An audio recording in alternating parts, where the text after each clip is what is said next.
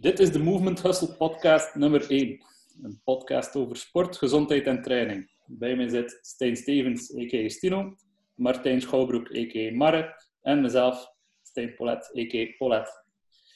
Iedereen gaat zich op dit moment uh, ombeurt voorstellen en we beginnen met Stino. Uh, hallo, mijn naam is Stijn Stevens. Um, ik ben de laatste 12 jaar prof basketter en in 2017 richtte ik Y-Mind in Ieper op, die zowel bootcamps, personal training als eigenlijk ook company bootcamps doet. En de laatste drie jaar heb ik opleiding gevolgd bij de Physical Coaching Academy, DH Genesis en nog een paar andere. Um, in het laatste jaar heb ik ook meegedaan aan Mens Fysiek. Dus eigenlijk op dat heb ik uh, redelijk wat ervaring in het laatste jaar opgedaan.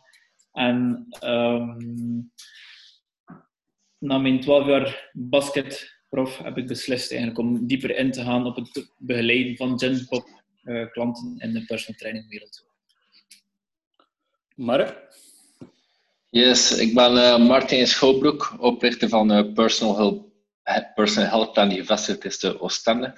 Um, ik ben ook medewerker bij YMind, dus bij Steen werk ik ook mee aan de voedingsschema's en de trainingsschema's. Um, ik ben ook mede-oprichter van Personal Health Solution, dat is een voedingssoftwareprogramma die eindelijk na zoveel jaar uh, op, uh, op de markt zal komen. Ik ben leerkracht bij de Physical Coaching Academy, waar ik bepaalde modules geef, namelijk hypertrofie en contesprep. Er zijn ook nog een paar modules in de maak. Um, ik heb ervaring de laatste vijf, zes jaar met uh, meer dan duizend klanten. We gaan van de gym pop obese klant naar ook naar de Oslo bodybuilders, um, waar dat we bepaalde personen, ik en Steen Polet, uh, begeleid hebben. Op het wereldkampioenschap Arne Classic, waar we goede prestaties hebben behaald. mijn grootste invloeden van de laatste jaren, ik heb heel wat opleidingen gevolgd, zoals iedereen hier. mijn grootste opleiding invloed was uiteindelijk Charles Portegoin, Stefan Cazolt, Wolfgang. Uh, ik heb een beetje um, ja, uiteindelijk overal ter wereld uh, gaan studeren en alles gaan uh, volgen van program design en nutrition design. Dus dat is een beetje mijn achtergrond. ik ben blij dat we hier uiteindelijk een keer een podcast kunnen over maken over al, onze um, leerstof dat we geleerd hebben en invloeden. Ik zelf ben Stijn Polet. Uh, om het gemakkelijk te houden, want we zitten met twee Steens op de podcast, uh, is het vanaf nu Polet.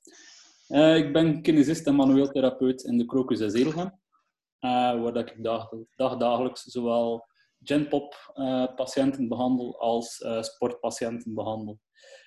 mijn voorkeur gaat voornamelijk uit naar alles wat te maken heeft met mobiliteit, begeleiding naar sportwedstrijden, blessurepreventie, en het aanpakken van acute en chronische pijnproblematieken.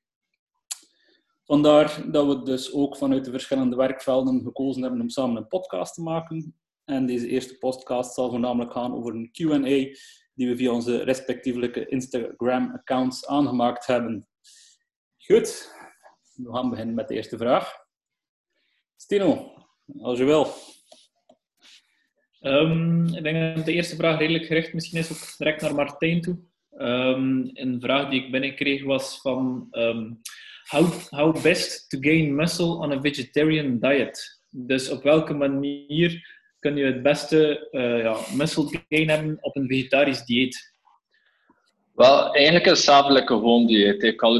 Calorieën plus is nummer één. Natuurlijk bij vegetarisch en veganisten zijn bepaalde, bepaalde zaken waar we rekening mee moeten houden. Eigenlijk, um, deze volledig veganistisch, gaan we misschien gaan supplementeren met carnitine, visolie, creatine, vitamine B12.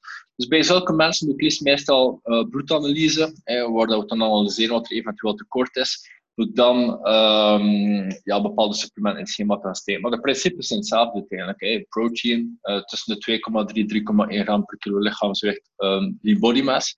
Uh, en dan de rest vul je op met koolhydraten en. Dus uiteindelijk in en een calorie surplus is het wel redelijk makkelijk voor aan die eiwitten te gaan. Er verschillende mogelijkheden zijn er, zoals korn, tempeh, tofu. Er zijn verschillende soorten pulveren en dan ook heel veel eiwitten bevatten, zaden, noten. Dus dat is uiteindelijk wel redelijk simpel. Het is meer in een caloriedeficit dat, dat het soms moeilijk is voor een, aan je eiwitinname te geraken. Dus opnieuw hetzelfde calorie surplus, misschien eventueel gaan supplementeren. Krachttraining blijft uiteindelijk relatief hetzelfde. Dus vrij duidelijk, denk ik wel. Uh, misschien dat we even in de voeding zitten, zal ik direct een tweede vraag stellen in de voeding. Um, meestal is de verdeling rond de 1 derde carbs, protein en uh, vet. Maar na een tijd in uw schema's ga je verhogen in um, koolhydraten. De reden hiervoor, waarom zou die zijn? Wel, zoals je ook al gezien hebt, we waren altijd tegen met een periodisatiesysteem op vlak van voeding. Natuurlijk, als iemand um, relatief obese is, hey, ze is uh, niet echt insulinegevoelig, noemen we dat. Dus wat ik altijd meestal doe, is inderdaad wat koolhydraten lager zijn of iets hoger. Protein, hey, ook hetzelfde, ergens tussen de 2,3 tot 3, gram um, kilo, uh, kilo lichaamsgewicht, body mass. Um, en daarna um, bepaal ik uiteindelijk de, de koolhydraten. En dan gaan we, naarmate dat ze uiteindelijk ja, scherper en scherper worden en meer vet gaan verliezen, ga ik waarschijnlijk achter 12 of 24 weken een diet break en last of reverse diet protocol, waar ik uiteindelijk de koolhydraten meer ga integreren voor de hormoon leptine, te gaan stimuleren.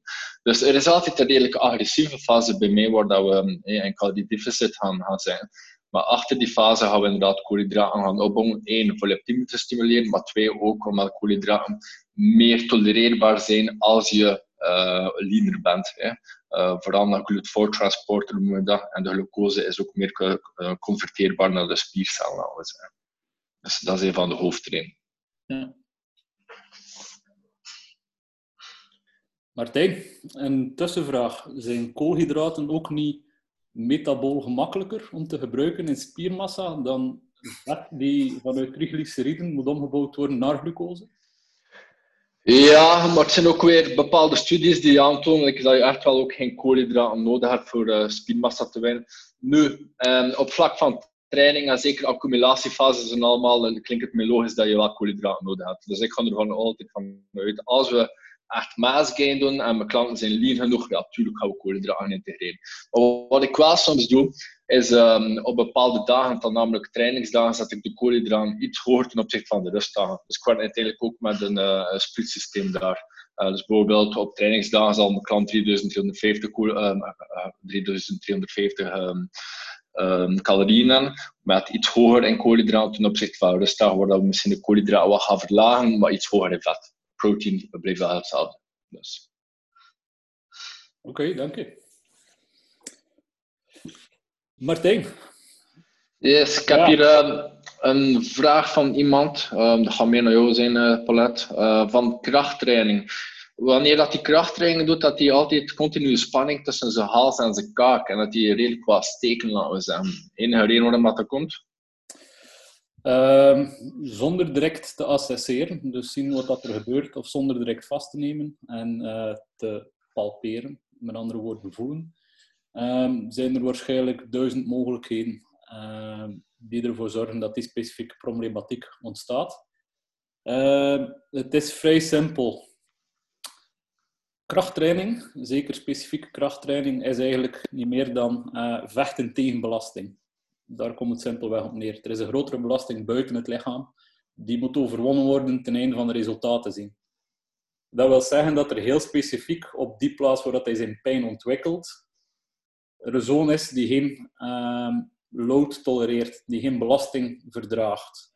Dus het is dan de taak van kinesitherapeut, osteopaat, um, zelfs eventueel physical trainer die uh, wat dieper ingaat op de pijnproblematiek in plaats van op het zuiver trainingsproblematiek.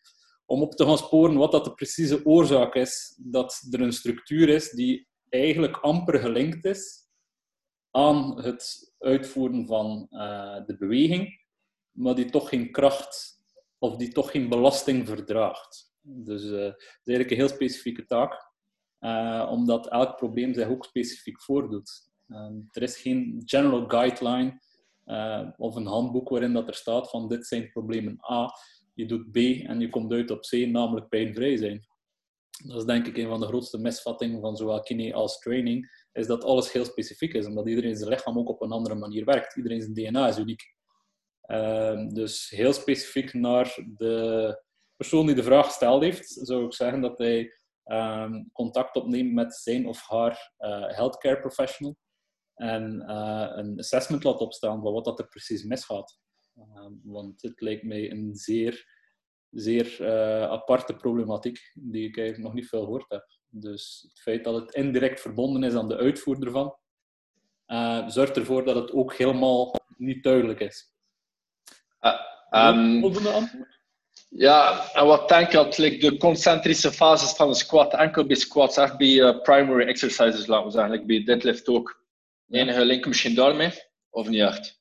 Um, belasting wordt verdeeld over het volledige lichaam. Het volledige lichaam mm werkt samen. Um, kracht wordt gegenereerd met het feit dat de belasting niet op één punt toekomt. Want uh, dat is ook de reden waarom dat secundaire spieren meegroeien met deadlifts en squats.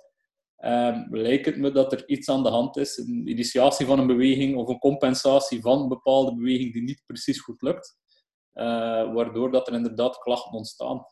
Uh, wat dat er denk ik het meest naar voren treedt is uh, het feit dat er bepaalde spieren van de keel effectief verbonden zijn aan het schouderblad.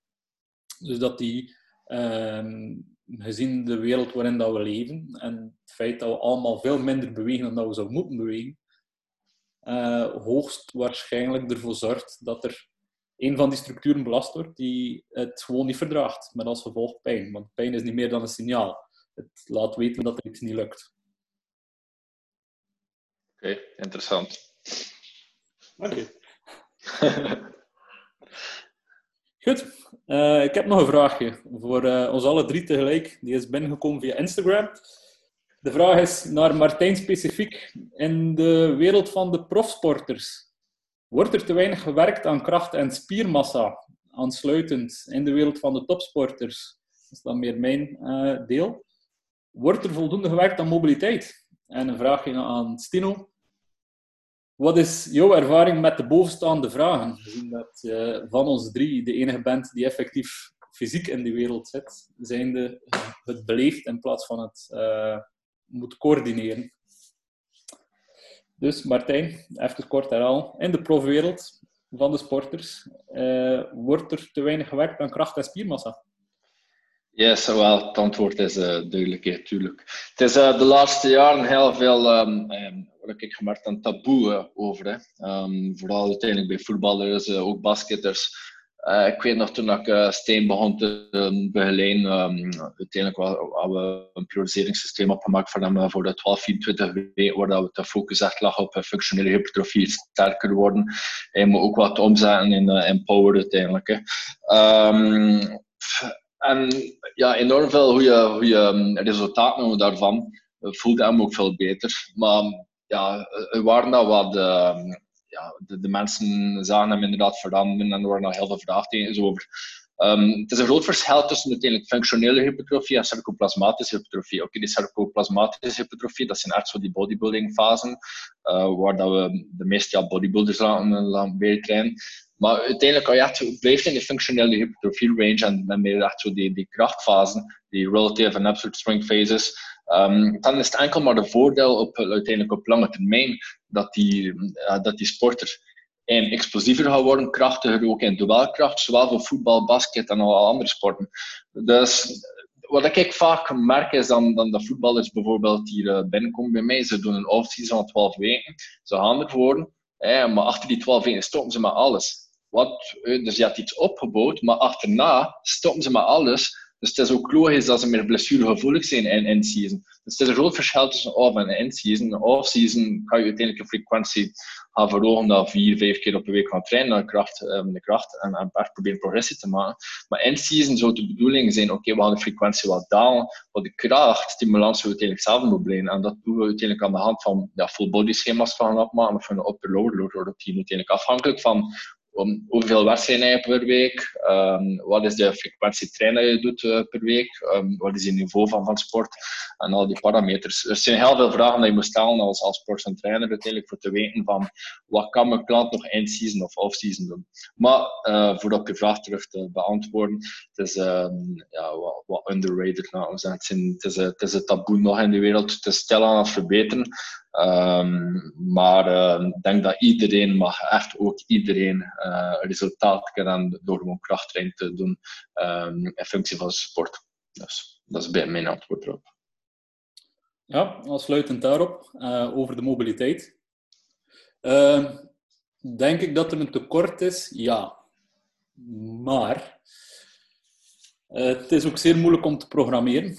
Uh, omdat mobiliteit heeft niet echt parameters, behalve de toename van de range of motion, waarin dat je kan afleiden dat er effectief een verbetering is uh, in de mobiliteit aan zich. We weten hoe belangrijk, uh, ook uit de ervaring dat we alle drie samen hebben, hoe sterk mobiliteit inspeelt op zowel de ontwikkeling van kracht, maar ook op het beleven van de effectieve profsport. Want de range of motion is hetgeen wat dat er effectief gebruikt wordt om tot de sport te komen. Hoe meer range of motion die onder controle is, dus hoe meer mobiliteit, want mobiliteit is niet hetzelfde als flexibiliteit, hoe meer mobiliteit er aanwezig is, hoe meer dat de sporter het kan opnemen. Nu, in dat opzicht, denk ik, is er een tekort aan mobiliteit. Ja, omdat de begrippen flexibiliteit en mobiliteit nog te hard door elkaar gebruikt worden. En in plaats van naar een actieve mobiliteit te streven, is er misschien te veel nadruk op passieve mobiliteit, die inderdaad op het moment zelf ziet toenemen. Uh, zijn de tafels geweest bij de klant of patiënt. Maar op lange termijn is die veranderen, omdat het centraal zenuwstelsel niet geleerd heeft hoe dat het op een actieve manier de nieuwe range of motion moet leren controleren. Want daar gaat het hem over. Het is het centraal zenuwstelsel dat beslist en bepaalt hoeveel range of motion er is en tot hoeveel toegang dat je krijgt. Zeker onder een zwaardere belasting, wanneer dat er meer eisen of meer functional demands aan het lichaam gesteld worden. Dus in dat opzicht sluit uh, het antwoord van mijn kant uit, is er een tekort aan mobiliteit. Er is hoogstwaarschijnlijk een tekort aan mobiliteit, maar het is voornamelijk de uitvoerder van uh, die misschien iets beter kan. Uh, nu, dit gezegd zijnde, uh, mobiliteit is sowieso een van de moeilijkste dingen om te bekomen. Waarom? Omdat je telkens de limiet gaat gaan opzoeken van zowel het centraal zenuwstelsel als van wat het gewricht kan. En de afweging daarin is telkens van hetgeen wat ik vandaag gedaan heb, zal dit uh, binnen twee dagen, wanneer de volgende wedstrijd gespeeld wordt, voldoende impact hebben? Of zal het niet ervoor zorgen dat er te veel impact is, met als gevolg dat de blessuregevoeligheid eigenlijk stijgt in plaats van daalt?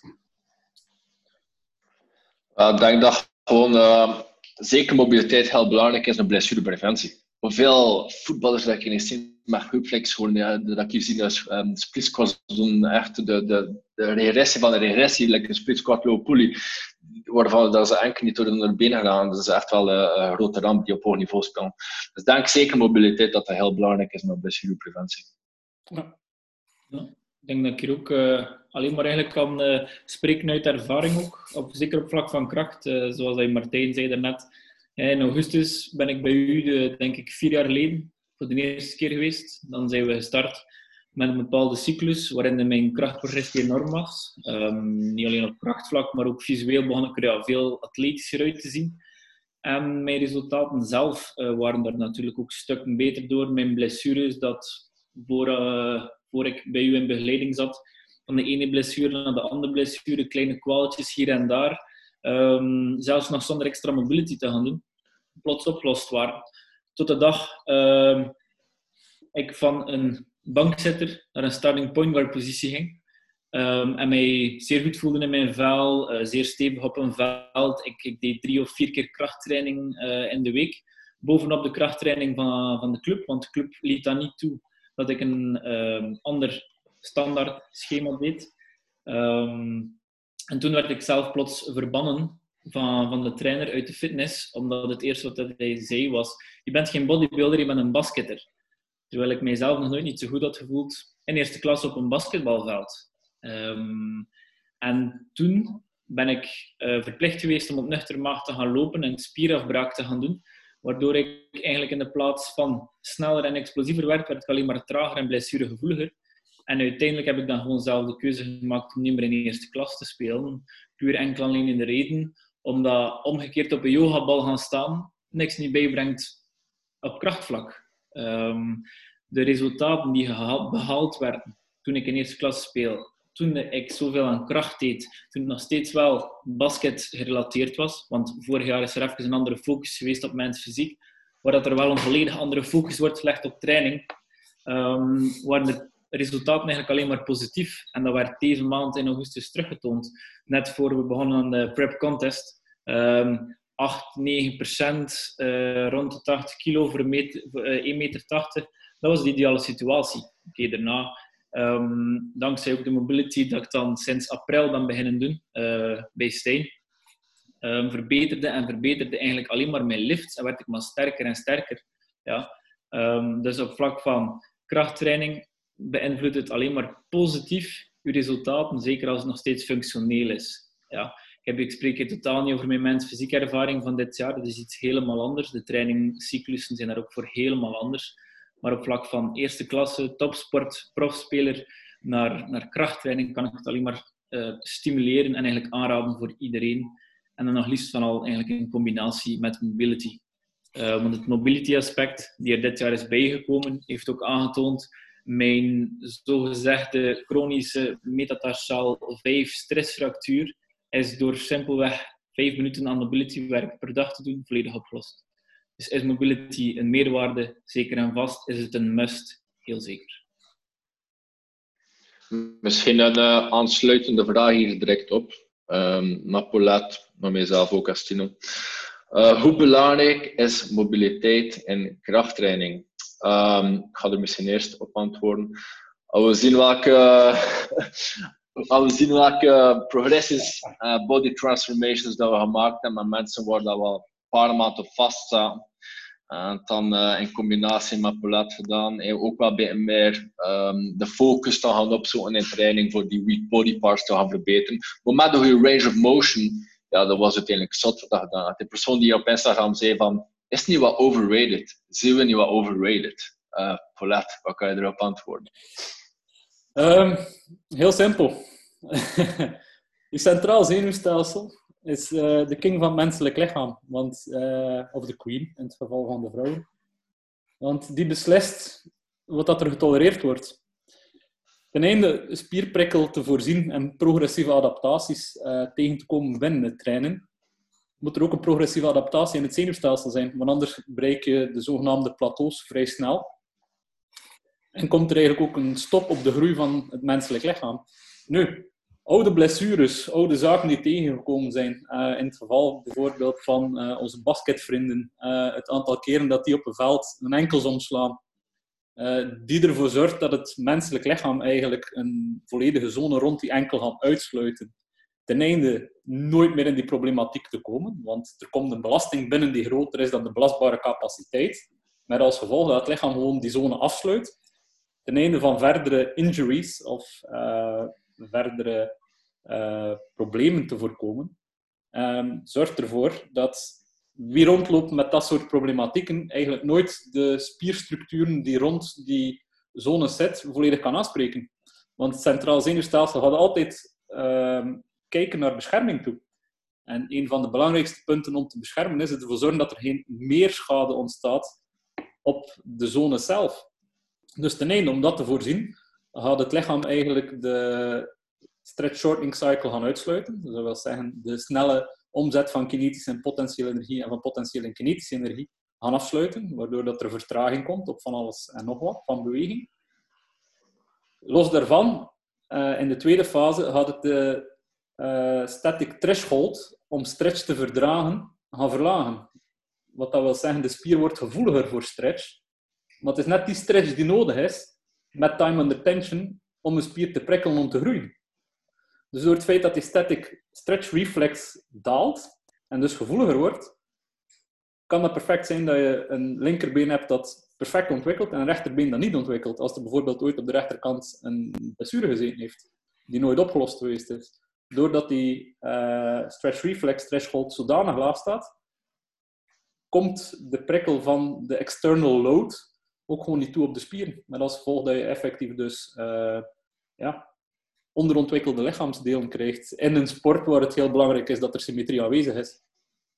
Um, aansluitend daaraan, um, je kan spiergroei maar krijgen binnen de active range of motion. Dus als we gaan uittesten, gewricht per gewricht, van wat is de active range of motion dat je beschikt, en we merken dat een uh, fictief voorbeeld, linkerschouder en rechterschouder, dat er daar een gap van meer dan 20% op zit in beweging, hoe kun je dan verwachten dat de ene kant even sterk gaat groeien als de andere kant? Want er zijn sowieso zones waar dat je in geraakt en waar dat lichaam terugvalt op compensatiestrategie.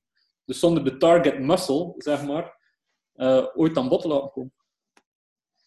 Dat is wel um, inderdaad een uh, grote wijziging in mijn aanpak.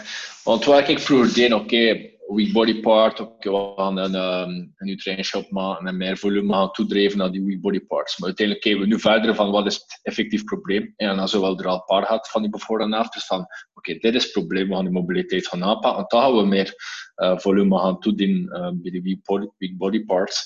En dan gaan we uiteindelijk wel groei gaan aanmaken. Dus dat was inderdaad wel uh, een hele grote wijziging voor mij. En die veel geholpen heeft.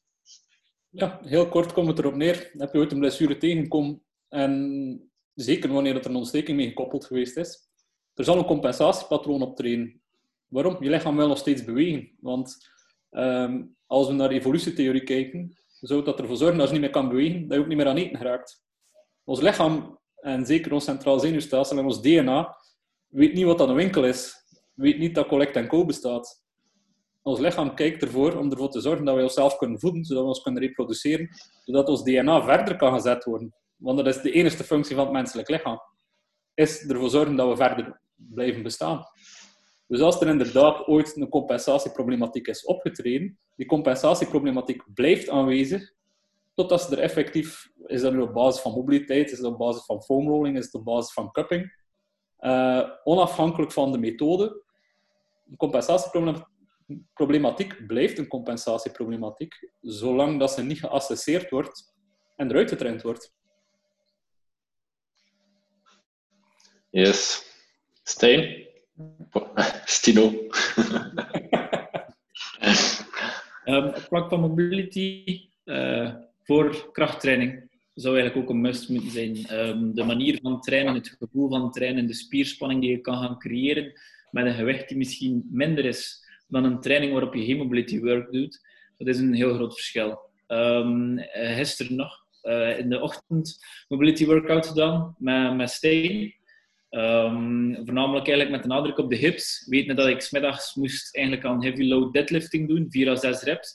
Dus dat is wel redelijk heavy gaan. Um, heb ik eerst dus s morgens een mobility workout voor de hips, dan een uurtje gaan slapen om mijn uh, lichaam het rust te geven. Want je voelt gewoon na mobility work, heeft je lichaam gewoon even rust nodig. En smiddags doe ik lift die ik normaal gezien niet doe. Of waarbij er toch enige heup- of lower back issues naar boven komen. Maar door de range of motion die we gecreëerd hebben in de ochtend en de mobility workout, is het smiddags geen enkel negatief gevoel bij geen enkele lift geweest. Wat dat vroeger wel altijd iets gaan ging compenseren. Bijvoorbeeld in mens fysiek, mijn probleem, linkerled ging niet open. Oorzaak? Waarschijnlijk de schok op, uh, op basketbalvlak. Maar door mobility opnieuw en opnieuw en opnieuw te gaan doen, kon ik ervoor zorgen dat mijn krachttraining de leid zich wel kon ontwikkelen, waardoor op mens fysiek in, denk ik, drie maanden tijd de linkerled toch bijna de rechterled uh, volume had.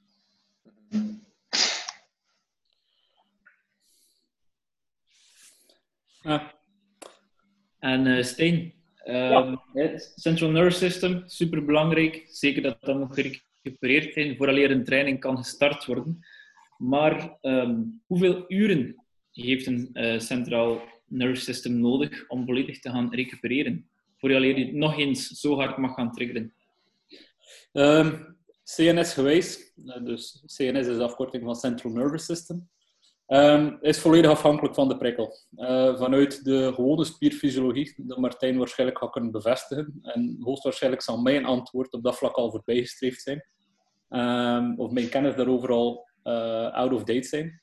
Maar vanuit de, de, krachttraining, als we naar de formules kijken die tot 1 RM gaan, wordt er altijd aangeraden binnen een krachttrainingsfase van 48 uur pauze te nemen.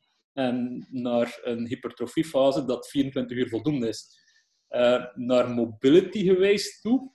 Als het active mobility is, dus als er effectief in plaats van flexibility, mobility nagestreefd wordt, um, denk ik dat het eerder de fases van krachttraining volgt en dat dus 48 uur de bare minimum is.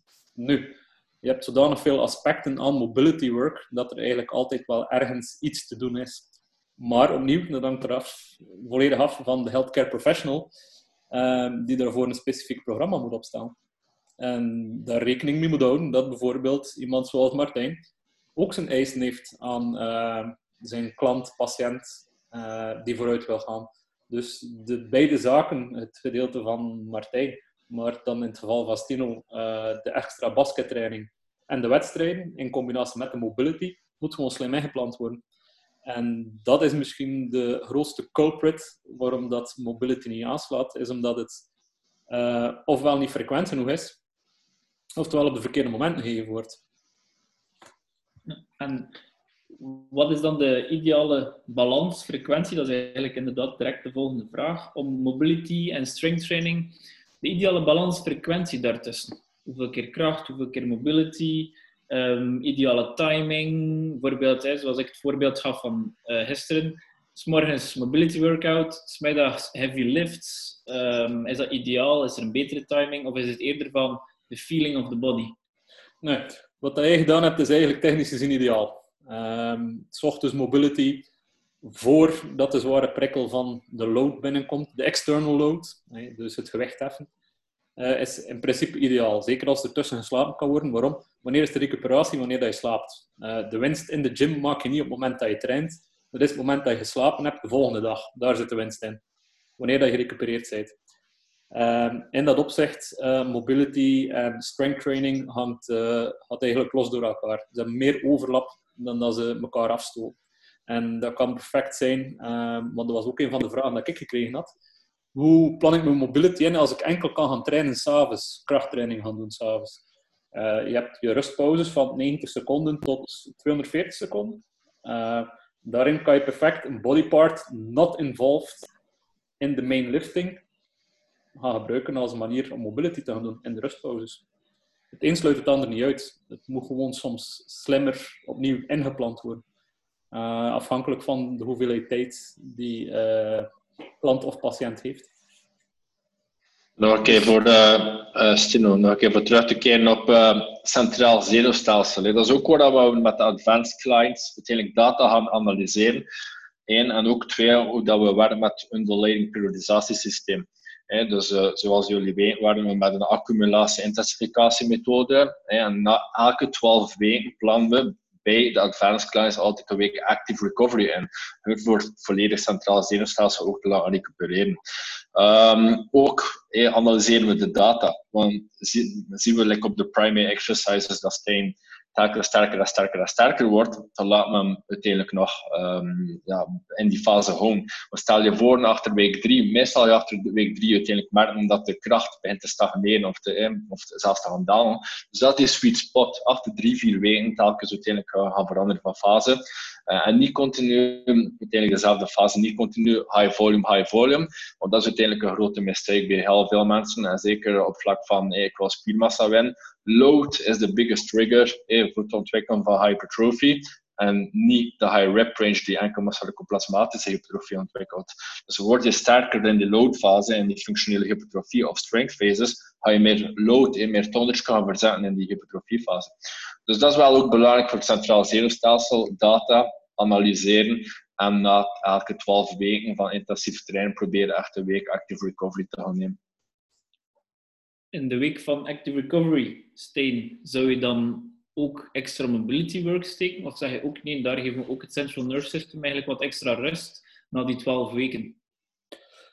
Um, afhankelijk wat dat de tijdsdruk is. Uh, spreken we over een genpop die tijd genoeg heeft, tussen aanhalingstekens tijd genoeg heeft, uh, om rustige progressie te maken, dan um, liever niet. Waarom niet? Het is niet de bedoeling dat CNS uitvalt, want dan had zowel mijn deel als het deel van Martijn, of het deel van uh, Stino die klanten begeleidt, sowieso met klachten komen te zitten. Ergens zal het, ergens zal het misgaan. Dus de bedoeling is om zoveel mogelijk blessurepreventie te verkrijgen door mobiliteit en kracht te verhogen. We kunnen onszelf dan niet tegen gaan spreken dat we op de fases waarin dat we het lichaam moeten in ere laten en laten recupereren, dat we dan proberen nog harder te pushen, wat dat enkel de blessuregevoeligheid zou verhogen. Uh, met als gevolg uh, angry clients, zowel bij mij, Martijn, als bij Stino. Omdat hetgeen waar dat ze net voorkomen, plots realiteit wordt. Dus in dat opzicht uh, hangt het er voornamelijk vanaf, en dat is de dichotomie die moet gemaakt worden. Spreken we over iemand die het rustig aan of die enkel over de mogelijkheid beschikt om het rust te gaan op te bouwen? Of spreken we over iemand zoals jij gisteren gedaan hebt, die perfect in staat is om tussen twee trainingen door uh, slaap in te halen. En dus uh, beter gaat gerecupereerd zijn ten opzichte van de tweede training. Ja. Dat is heel specifiek en dat is persoon tot persoon specifiek. En het is heel belangrijk, zowel als coach, um, trainer uh, en als therapist, om de cues van onze patiënten uh, op te vangen. Of van onze klanten op te vangen. En dus ook blijvend in contact te staan. Ja. Dus voor een antwoord eigenlijk dan op die vraag van de ideale balans, strength, mobility, is eigenlijk redelijk feel the body. Um, ja. Samenspraak met uw coach, samenspraak met uw, met uw trainer, kine, fysio. Eigenlijk daar echt de balans in gaan zoeken wat dat voor jouw eigen lichaam het ideale, balans, de ideale balans eigenlijk is. Ja, absoluut. Want het centraal zenuwstelsel hangt niet alleen vast aan training, het hangt ook vast aan hoeveel uren dat je geslapen hebt, die dus zal bepalen hoeveel overschot dat er is. Het hangt ook vast met daily stress, maar het hangt ook vast met activities daily life. Iemand die een manuele job uitvoert, die behoorlijk zwaar is, heeft al een veel zwaardere belasting van zijn CNS tegen dat hij aan de fitness toekomt. En met die factoren moet ook allemaal rekening gehouden worden. Dus inderdaad, ja, het is uh, extreem specifiek. Uh, letterlijk klant of patiënt per keer. Uh, er kunnen geen algemene richtlijnen uitgeschreven worden. Martijn? Daarom is het ook aanbevolen, en zoals dat we werken met de biofeedback sheet, voor alles te kunnen opvolgen. Daarom is dus intakegesprek ook zes pagina's. Voor te weten wat voor job doe je, hoeveel stress heb. Stel je voor in je biofeedback. Stel je voor, de klant heeft heel veel stress en slecht slaap. Houdt dan een fase geven met superveel volume? Nee, gaan dat volume gaan aanpassen. We gaan misschien meer focussen uh, low rate based. En dat zijn allemaal zaken waar je uiteindelijk uh, rekening mee moet houden. Dus um, meestal hoe dat wij werken is, oké, okay, hebt een heel breed spectrum van oefening. De time on retentions en de percentages in de rem gaan we uiteindelijk altijd gaan aanpassen afhankelijk van je biofeedback. Um, dus dat is wel een heel belangrijke opmerking, dat de biofeedback van je klant heel belangrijk is. Dus naar personal trainers toe die luisteren, probeer een biofeedback sheet op te maken waar dat je parameters uh, lifestyle, stress, slaap, uh, allemaal kan opvragen en probeert dat te wekelijks laten invullen door je klant. Dus. Ja, dat is uh, ook helemaal geen holistische aanpak. Um, dat heeft niks te maken met alternatieve zaken of zo, of supplementen verkopen om bijvoorbeeld beter te gaan slapen. Nee, het heeft er gewoon mee te maken dat je als trainer, coach, physical therapist probeert het beste te maken van de vraag die je krijgt van je klant. Waarbij dat uh, feedback inderdaad heel belangrijk is.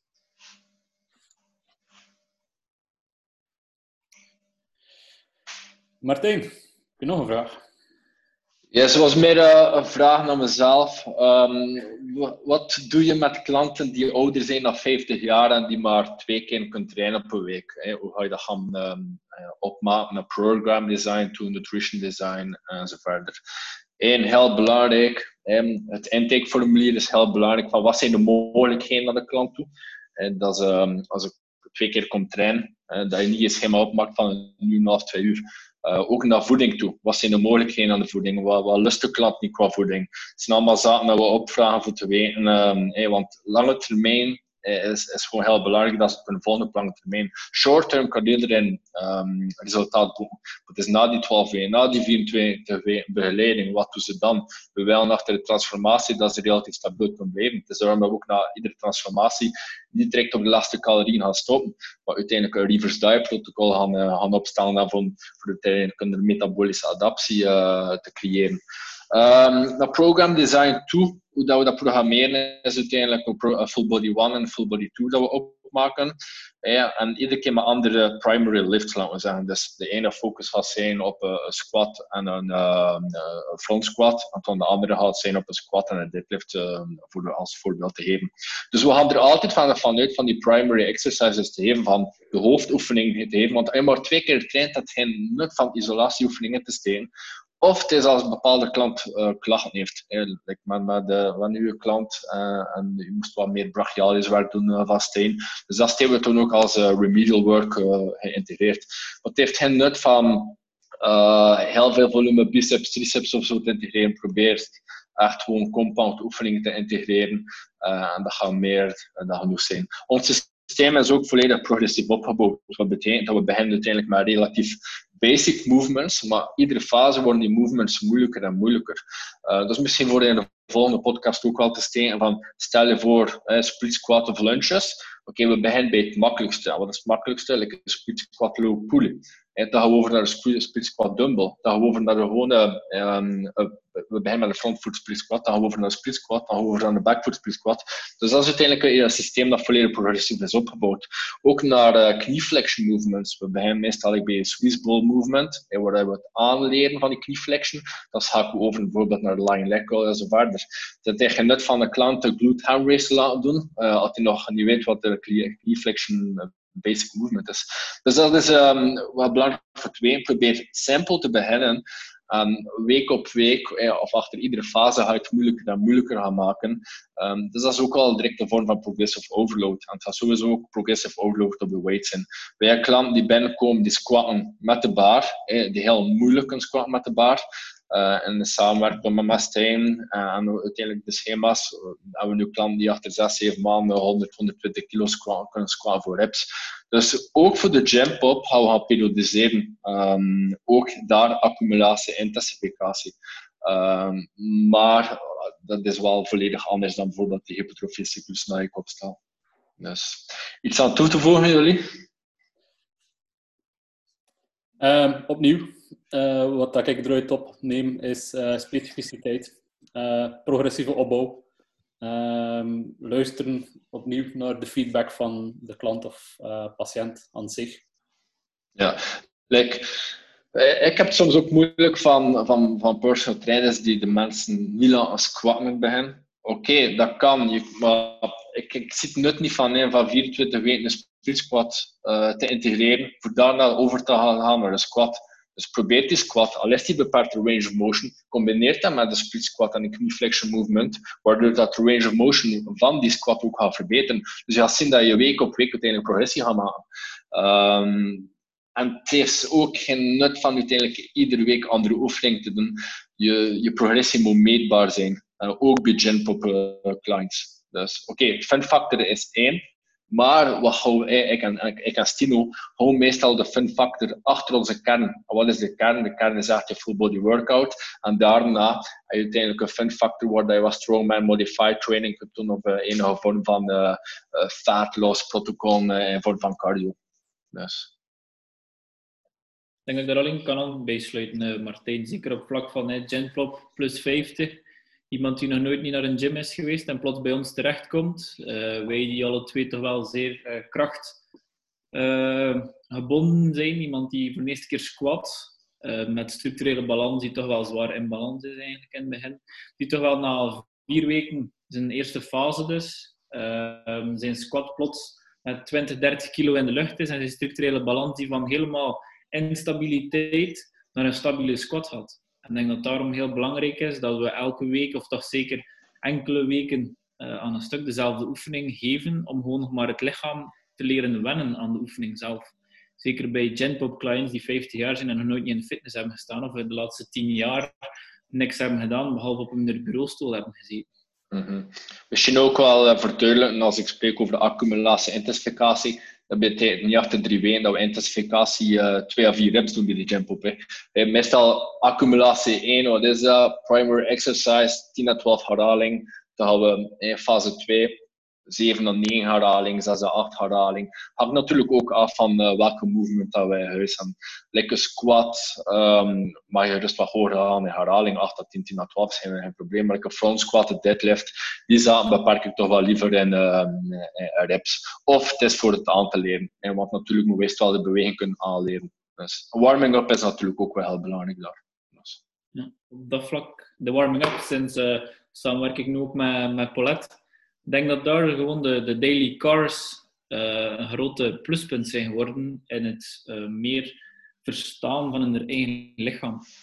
Um, als we dat spenderen 10 à 15 minuten als warm-up van de workout, die meestal 40 à 45 minuten duurt, is dat wel een ideale warm-up. Uh, alle cars overlopen, alle gewrichten, alles, alles gaan losmaken, zorgt er ook voor dat ze meer gaan gewaar zijn wat dat ze bewegen en op welke manier iets kan bewegen.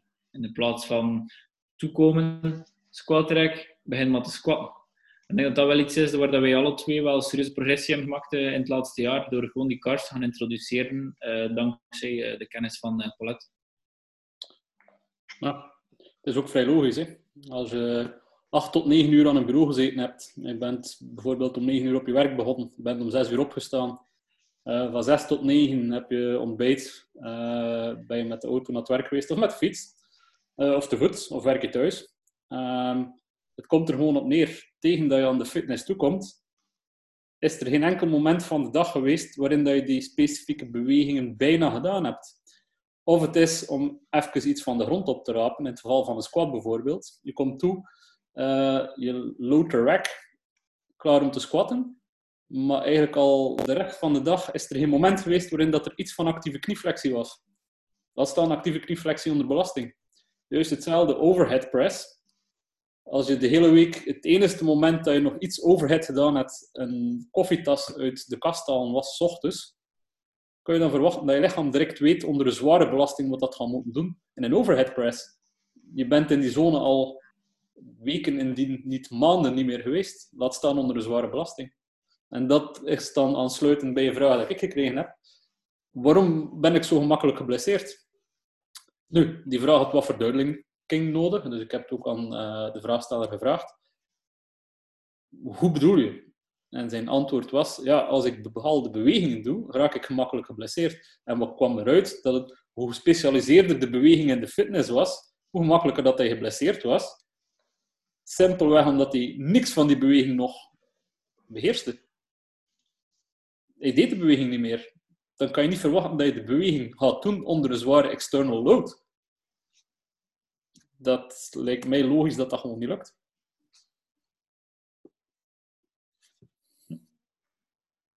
Goed. Was dat voldoende antwoord? Yes. Stino, nog een vraag over uh, Paulette? Ja, ik heb nog eentje over, um, hij, over HIT. Heeft HIT meer effect op vetloss dan langdurige cardio, zoals lopen of fietsen? En zo ja of nee, uh, waarom wel, waarom niet? En hoe werkt het op het metabolisme? Wel, ik sluit erbij aan aan de, een vraag dat ik ook had van uh, is uh, cardio nodig voor vetloos te gaan stimuleren? Um, dus als we kijken naar, naar HIIT, dat is, we hebben eigenlijk drie verschillende soorten cardio. Ik die een keer uitleggen. En voor alle duidelijkheid, cardio is niet nodig voor vetloos te gaan stimuleren. Maar als je bijvoorbeeld merkt uit de biofeedback van je klant en we zijn al redelijk klein in calorieën, dat de klant continu honger heeft, dan kunnen we dus misschien wat de calorieën gaan verhogen en een van de drie opties van cardio te gaan integreren. Dus dat is een tool. Het is een tool, maar het is geen verplichting. Want ik um, in mijn lessen altijd zeggen van een contest prep of een vaatlooscyclus is geen voorbereiding voor de marathon of Tour de France de, de focus bij, bij onze begeleiding ligt op strengvlak en, en niet echt uiteindelijk cardiovasculair vlak. En sowieso als je krachtvlak uiteindelijk gaat verbeteren, ga je metabolisch en conditioneel ook veel beter worden. Simpel. En de, die, die, die zaken waren synergetisch met elkaar. Dan hebben we verschillende soorten uh, cardio. Um, we hebben ja, LIS, we hebben HIT en we hebben eigenlijk de Ultimate Novatless, de Hybrid Method. De LIS-methode is Low Intensity Steady State Training. Is bijvoorbeeld stappen op herhalingen, Stairmaster. Dat is continu gewoon aan hetzelfde tempo. Um, voordeel, het is, het is psychologisch gewoon heel veel minder zwaar, uh, dat HIT. Uh, het is ook goed, in, in oxidatie noemen we dat van de alpha-receptor. De nadeel, dat is misschien dat je, dat vraagt ook, het epoch-effect is veel minder. Dat is de afterburn in vergelijking met heat. Dus dat betekent dat we moeten veel langere periode doen uh, van lies in vergelijking met heat. Stel je voor, we moeten 60 minuten lies doen in vergelijking met 20 minuten heat. Dus, maar het voordeel van de lies is, psychologisch is het veel minder zwaar. Dus voor op die vraag van de rust uiteindelijk ook terug te komen, Stel je voor, ja, de klant die heel veel werkt, heel veel stress heeft, uh, wat zou je dan geven? Lies of heet, Steno? Voor de, voor de druk minder en voor de intensiteit zou ik puur op gaan. Yes, waarom? Omdat psychologisch veel minder zwaar is. Dus dat is de tool dat ik dan zou kunnen gebruiken. Maar nadeel uiteindelijk van, van die lease is oké, het epoch-effect is minder. Hij doet er veel langer over voor het aantal calorieën te verbranden in vergelijking met HIT. Het is ook slechter in mobilisatie van alpha-receptor, maar dat is uiteindelijk een andere weg dat we aan de opgang zijn. Het voordeel van de, de HIT, en wat is HIT? High Intensity Intervaltraining. dat doe ik liefst op een toestel met extra wattage. Dus ik ben geen fan van hit gelopen. wat, wat mijn favoriete tools is, die wattbike, uh, gewoon fietsen of strongman training, het er extra weerstand mee gepaard had. wat is, was um, de, de ding van uh, HIT is de periode, uh, de definitie van HIT, periode van hard werken gevolgd door een uh, periode van rust. De ratios waarmee dat werk op vlak van HIT is 1-4, 1-3, 1-2 en de ultimate, maar wel de zwaarste, 1-1. Dus dat is ook iets dat we gaan periodiseren. Um, belangrijk voor HIT is, je moet altijd natuurlijk opwarmen um, en niet direct de HIT-sessie gaan uitvoeren. HIT prefereer ik altijd ofwel na een training, ofwel op een uh, ander moment van de dag of op een rustdag liefst. Het voordeel van HIT, het veel minder tijd in vergelijking met HIT. En het epoch-effect is daar wel groter ten opzichte van LIS. Dus dat is uiteindelijk de bedoeling van je vraag. Het epoch-effect, de afterburn, is uh, hoger uh, dan LIS. Dus HIT is in mijn ogen de grote winnaar, maar hangt af van de biofeedback van je klant, hoeveel stress, de slaap, frequentie trainen, etc. De nadelen van HIT is psychologisch enorm zwaar. En dan, uh, wat ik ook zei van die derde methode, is de hybrid. En wat is eigenlijk de hybrid methode? Dat komt van uh, McDonald. Um, dat is eigenlijk een combinatie van de HIT en de LIS. Het voordeel daarvan is dat je zowel mobilisatie, transport en oxidatie hebt van je alpha-receptors. Uh, maar totaal niet geschikt voor de jump-up clients en is psychologisch ook enorm zwaar. Dat is eigenlijk de laatste methode dat ik soms ga toevoegen uiteindelijk voor de um, fysiek client, voor echt als uh, te, gaan, te verliezen. Dus zowel LIS als HIT zijn goed, maar hangt af uh, van je biofeedback van je klant. Um, misschien opteren eerst te beginnen een LIS-sessie, kijken hoe dat ze reageren, en dan een HIT-sessie, maar met dat periodiseringssysteem waarvan 1, 4, 1, 3, 1, 2. En wat is dat? Dat is de work-rest ratio. Dus bijvoorbeeld 1, 4 is 20 seconden all-out, gevolgd door 80 seconden rust. En dat bijvoorbeeld x aantal herhalingen gaan uitvoeren. Dus, was dat duidelijk? Ja. Dus misschien voor andere personal trainers of voor andere mensen is het dus makkelijker om iemand die met een zeer volle, stressvolle job heeft, iemand les te gaan geven en iemand die eigenlijk elke dag gewoon rustig leventje heeft een hit te geven om puur die stressfactor bij die ene persoon die heel veel uren werkt en heel veel stressfactoren van externe uh, manieren binnenkrijgt, eigenlijk gewoon puur les, om eigenlijk ook een beetje rustiger en misschien beetje trager te gaan worden. Wat ook misschien belangrijk is, ik ga, ik ga niet beginnen enige vorm van cardio integreren voordat we de daily steps gaan uh, manipuleren. Dus uh, eerst begin ik altijd van, oké, we doen de voeding, we doen de training, en dan hebben we het target naar daily steps, volg je schema in twee weken. En dan gaan we analyseren. En dan, als er plateaus zijn, gaan we dat gaan manipuleren op vlak van voeding, cardio of niet. Training ga ik uh, uiteindelijk niet echt gaan manipuleren. Dus. Ja, ik denk dat dat vrij duidelijk is. Oké. Okay. Iemand nog uh, zeer specifieke vragen? Ik heb ongeveer uh, al mijn vragen geïntegreerd in de antwoorden dat ik gegeven heb. Dus uh, ik heb niet alle vragen apart ervan genomen, uh, omdat de meeste vragen toch terugkwamen op dezelfde principes. Um, we hebben dan het voorbeeld gehad van Martijn met de klant die kaakpijn ontwikkelt bij een squat. Um, dus ik heb ongeveer al mijn vragen bij alle antwoorden geïntegreerd. Dus Martijn, nog specifiek? Nee, ik denk dat dat uh, voldoende was. Sowieso veel info. Uh, op naar de volgende zou ik zeggen, zo waar we meer kunnen specifieren en meer in detail aanbrengen. Dus. Stino? Uh, ik heb anders nog een laatste. Eh, voor Martijn misschien ook, weer over voeding. Um, geloof je in intermittent fasting? Ah, fuck. Um, ik geloof um, erin, het kan een tool zijn uh, waarom kan het tool zijn voor iemand die bijvoorbeeld heel veel cravings heeft naar de avond toe? Hè?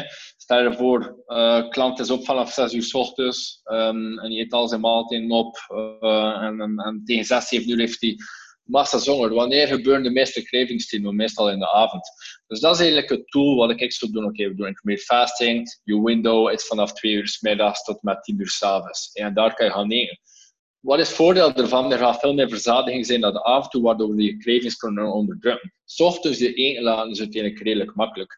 Maar zijn er andere voordelen van intermittent fasting? Sommige wetenschappelijke studies zeggen ja, sommige niet. Zeker naar koolhydraten, tolerantie enzovoort. Um, het is niet iets dat ik gebruik. Ik geloof um, voornamelijk in de flexibiliteit van die schema's. En was uiteindelijk ook nog een vraag dat ik kreeg. Uh, hoe lang uh, kan je volgen uh, broccoli, rijst en kip? Wat denk je van dat principe redelijk um, afgestapt zijn? Flexibiliteit in de long term is key voor succes. Oké, okay, calorieën zijn één iets, macro's en micro's zijn iets anders.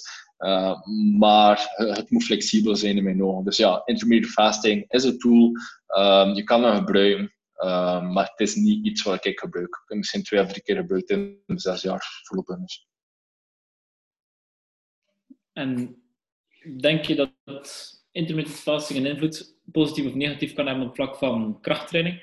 Bijvoorbeeld intermittent fasting, je begint maar na vier, vijf uur s'avonds te eten, maar je training wordt wel ingepland net daarvoor in de namiddag. Bedoel je dat je al gegeten net ervoor of nog totaal niet? Nog niet. Dus, eh, dus je window is van 4 tot 10 in de avond. En uw trainingen zijn altijd net na de middag rond 1, 2 uur. Uh, heeft dat invloed op uw krachttraining? Dus in welke fase dat je zit. Stel je voor intensificatiefase, low rep fase kan je misschien maar wel, zelfs meer uh, concentratievermogen in je training. Hey, want stel je voor dat we cafeïne of zo gaan drinken ervoor. Een, low, high fat meal, high protein meal stimuleert ook bepaalde uh, neurotransmitters. Dus misschien in dat geval niet eten en uh, wat cafeïne consumeren ervoor voor de strength phase. Oké, kan positief zijn, maar accumulatie no way.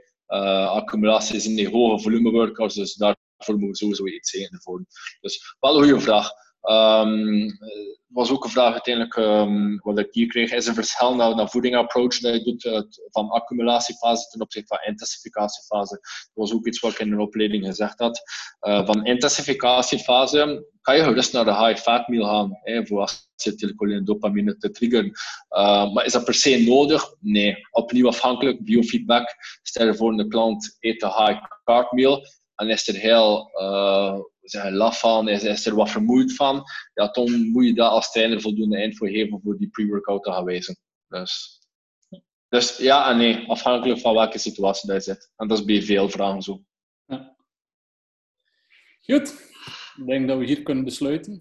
Uh, closing thoughts, Stino? Um,